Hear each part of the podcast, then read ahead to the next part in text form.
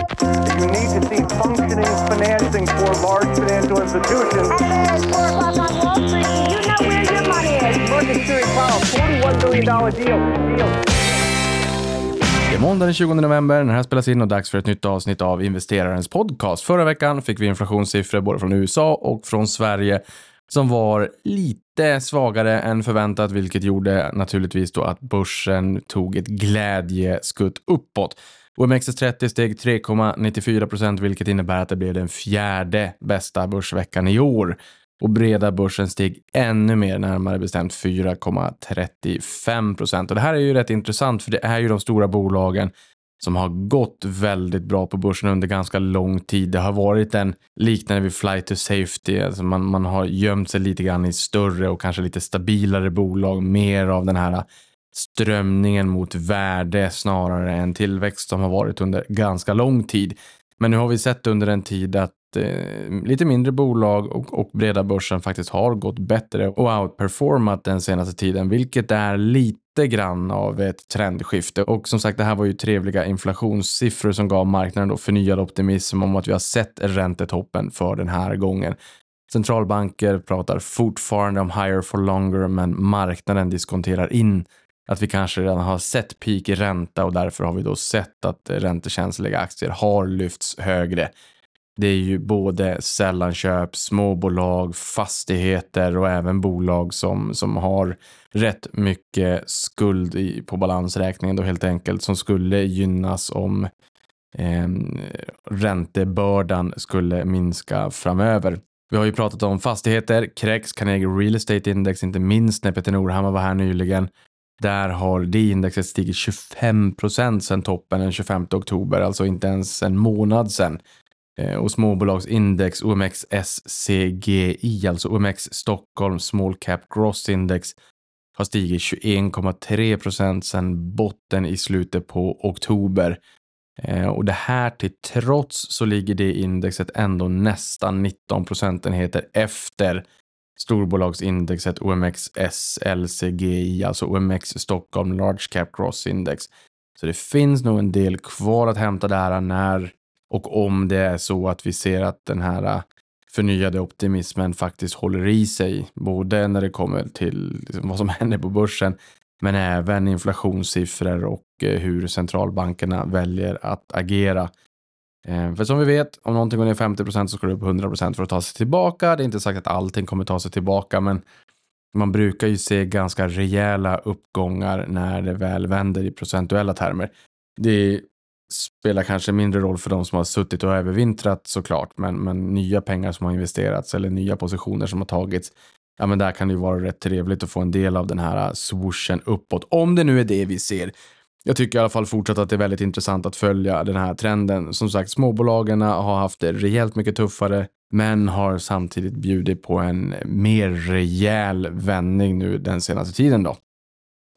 Några spännande spaningar är Magnificent Seven som man pratar om ofta i USA. De har rusat 71% year to date, alltså den korgen och utgör nu närmare 30% av hela S&P 500 på grund av sin viktning de här Magnificent Seven-aktierna som ingår där i, samtliga är ju stora eh, tungviktare, sumobrottare, så att viktmässigt i S&P 500 så utgör de ju en rätt stor del vart, vart och ett av de här bolagen tillsammans, desto mer, alltså nästan 30 procent då. Och bolagen som ingår är Nvidia, Meta Platforms, det vill säga Facebook, WhatsApp, eh, Messenger och Instagram, för att nämna några, eller på att säga, för att nämna de varumärkena som ingår där i. Ja, sen har vi i och för sig Oculus också eh, med Oculus Quest eh, VR-headseten. Sen har vi Tesla, Amazon, Microsoft, Google, det vill säga Alphabet, moderbolaget och Apple. Eh, och övriga 493 aktier i indexet har i snitt stigit 6 procent sedan årsskiftet. Så att man ser ju här att det är Magnificent 7 som i stor utsträckning har bidragit till uppgången på amerikanska S&P 500 då. Här noterar man samtidigt att korgens vinstmarginal och förväntade vinsttillväxt per aktie är nära två gånger resterande index. Så att det är inte bara så att man har lyft värderingen till eh, ohållbara höjder och det, det får man väl bilda sig sin egen uppfattning kring om det är hållbart eller inte. Men det är ändå så att vinstmarginal och förväntad vinsttillväxt per aktie faktiskt är nära på dubbelt så hög. Och det är ju klart, det ska ju någonstans, någonstans synas i en premievärdering kontra indexet som helhet då. Sen har vi också sett kronan fortsätta stärkas. En dollar kostar nu 10 kronor och 46 öre, vilket är 7,1 procent lägre än toppen i år som noterades så sent som 21 september. Samtidigt som en euro kostar 11 kronor och 43 öre, vilket innebär att kronan har stärkts 4,6 procent mot euron under samma period. Trevligt. Det här kommer ju tids nog också påverka inflationen i och med att vi importerar ett deflationistiskt tryck när vi köper olja och bananer och apelsiner och allt vad det kan tänkas vara från utlandet.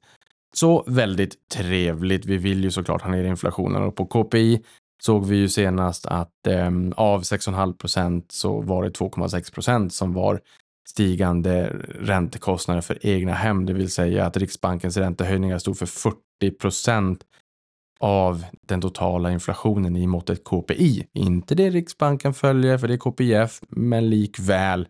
Det är ju ändå en inflation som hushållen möter i stor utsträckning. Med inflation och inflation är inte samma sak. Ni vet, men, men det till trots. Så att när väl den stärkta kronan börjar verka ut så blir det ju intressant att se vad den på marginalen kan göra på inflationssiffran. Den behöver ju komma ner. Och med det sagt så har vi ju räntebesked i veckan på torsdag den 23, vilket också är samma dag som månadens uppesittarkväll. Och en liten intressant detalj där är ju att Albin är borta i Kanada den här månaden, vilket innebär att unge herr Albin missar uppesittarkväll för första gången någonsin. Men vem tar vi då in istället? Jo, Philip Scholtze som jag en gång i tiden startade uppesittarkväll med. Eh, så det här, och dessutom drev podden Prata pengar med.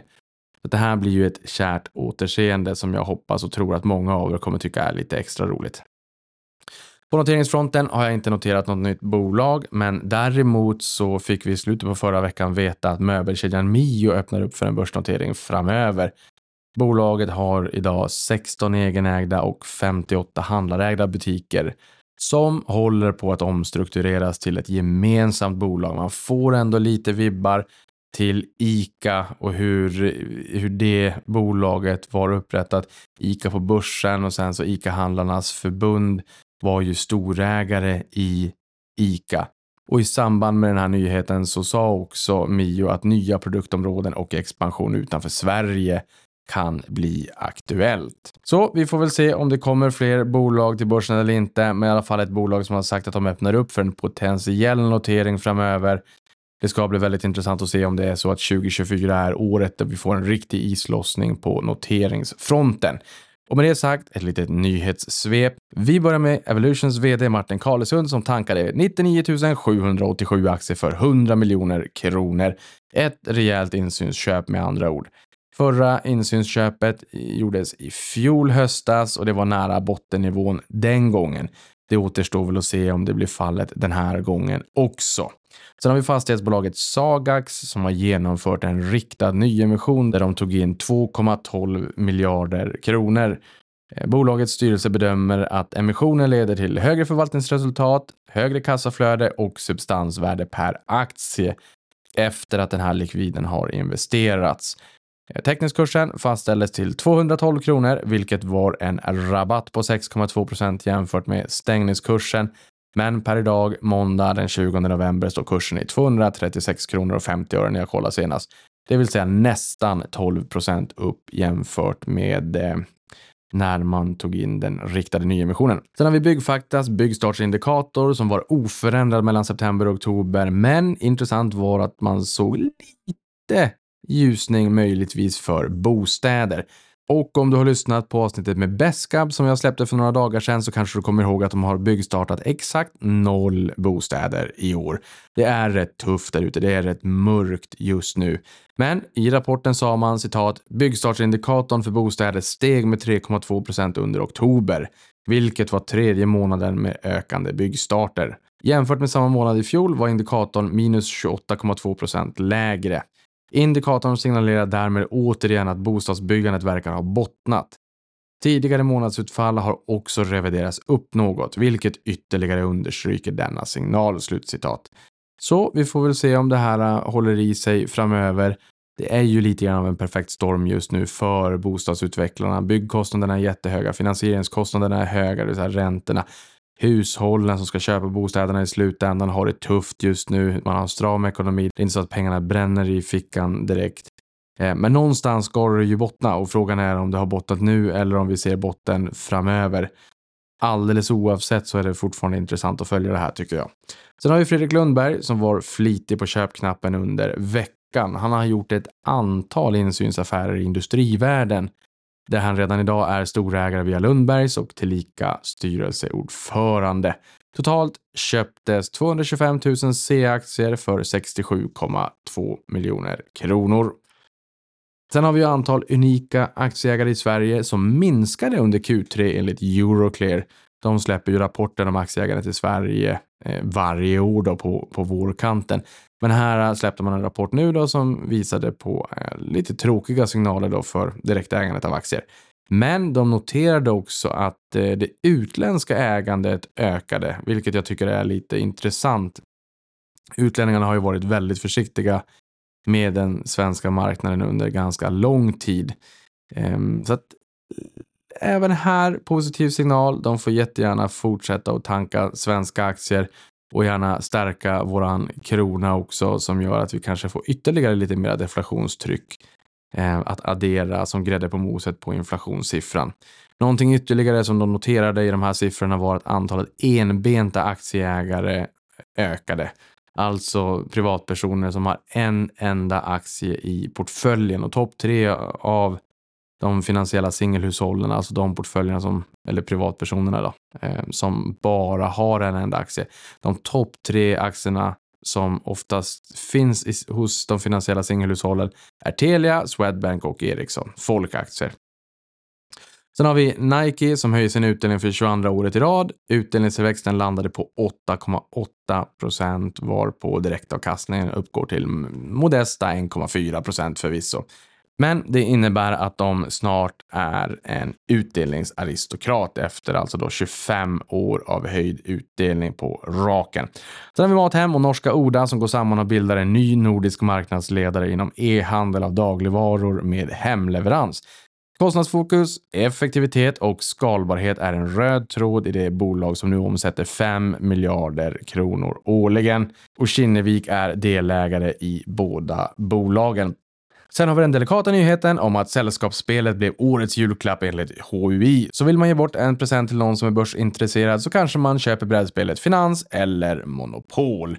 Och sist men inte minst så noterar jag att oljepriset eh, per förra veckan stod nästan 19 procent lägre än årshögsta och 41,6 procent lägre än högsta nivån i mars 2022. Och här är det ju svag data från USA och Asien som skapar frågetecken kring global efterfrågan. Fortsätter det här, ja men det är klart att även det här påverkar ju naturligtvis inflationssiffran framåt. Ehm, lägg där till sjunkande räntor och stärkt krona. Sen kan man ju alltid fundera kring eh, om det är så att oljemarknaden är orolig för konjunkturens vigör. Är det egentligen så bra? Nej, kanske inte, men samtidigt så någonstans så är ju också börsen framåtblickande och det är väl kanske ingen hemlighet att den strama penningpolitiken som vi nu ser Eh, riskerar att leda till en, en eh, rejäl inbromsning i ekonomin. Så att man kan väl fundera kring hur, hur överraskad marknaden skulle vara av det här. Ehm, men när vi väl sett peakränta och inflationen kommer tillbaka eh, till de nivåerna som centralbankerna känner sig bekväma med och likaså även inflationsförväntningarna, ja, då kommer ju marknaden också reagera positivt på det här naturligtvis. Och det är ju någonting temat för det här avsnittet, vilket vi redan sett både i fastigheter och i småbolag, likväl som bolag med mycket skuld på balansräkningen. Och med de orden, det var allt för den här veckan. Vi hörs igen nästa vecka. Tills dess, avkastning på dig. Tack för att du lyssnade på det här.